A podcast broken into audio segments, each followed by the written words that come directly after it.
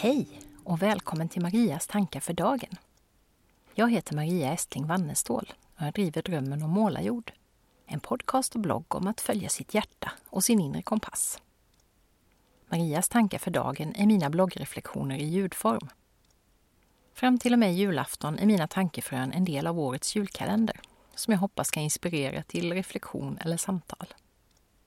Idag handlar det om att leva lite långsammare att inte alltid göra saker så fort som möjligt eller ta den snabbaste vägen.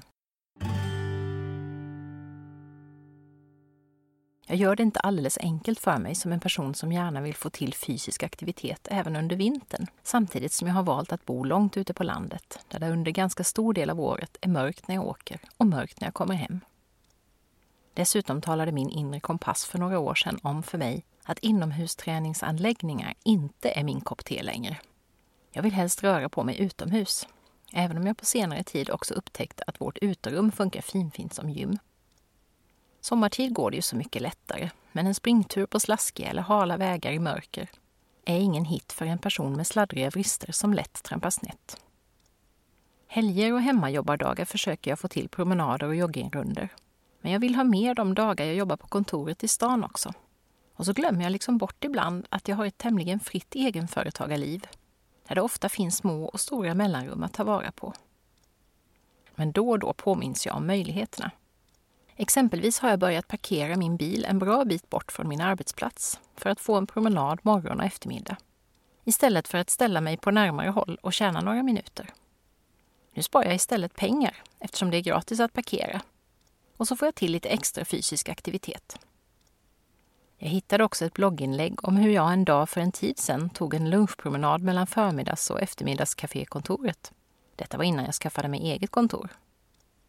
Längs den kringelikrokiga vägen, som inte alls var den kortaste från A till B, som väl de flesta av oss, så även jag, vanligtvis tar, hann jag upptäcka både ett duvslag mitt i en villaträdgård och en orientalisk lunchbufférestaurang i ett gammalt hamburgerhak.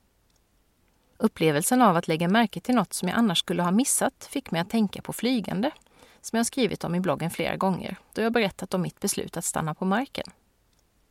Det känns lite som att vi har tappat bort det där med att verkligen resa, som jag minns så väl från ungdomens och den unga vuxentidens tågluffande, med och utan barn. Allt det där som hände i mellanrummen, på tågen och på järnvägsstationerna. Idag handlar det mest om att komma fram, och det så fort som möjligt. Men kanske är trenden på väg att vända.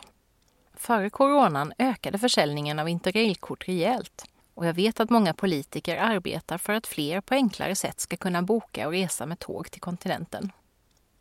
Förhoppningsvis kommer vi i juni nästa år iväg på den familjetågluff som vi fick skjuta på framtiden när pandemin satte käppar i hjulet för oss i somras.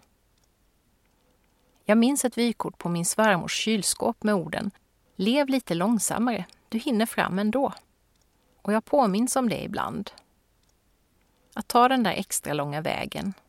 Eller att dra ner på mitt ofta ganska höga tempo.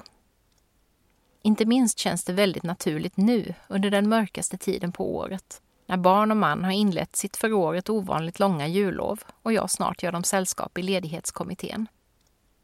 Även om jag kommer att sticka emellan med en jobbstund då och då kommer det inte finnas någon press, inget tempo, utan allt får ta sin tid och det blir gott om utrymme för lata dagar i pyjamas med filmtittande, sällskapsspel, godismumsande och så förstås en och annan skogspromenad.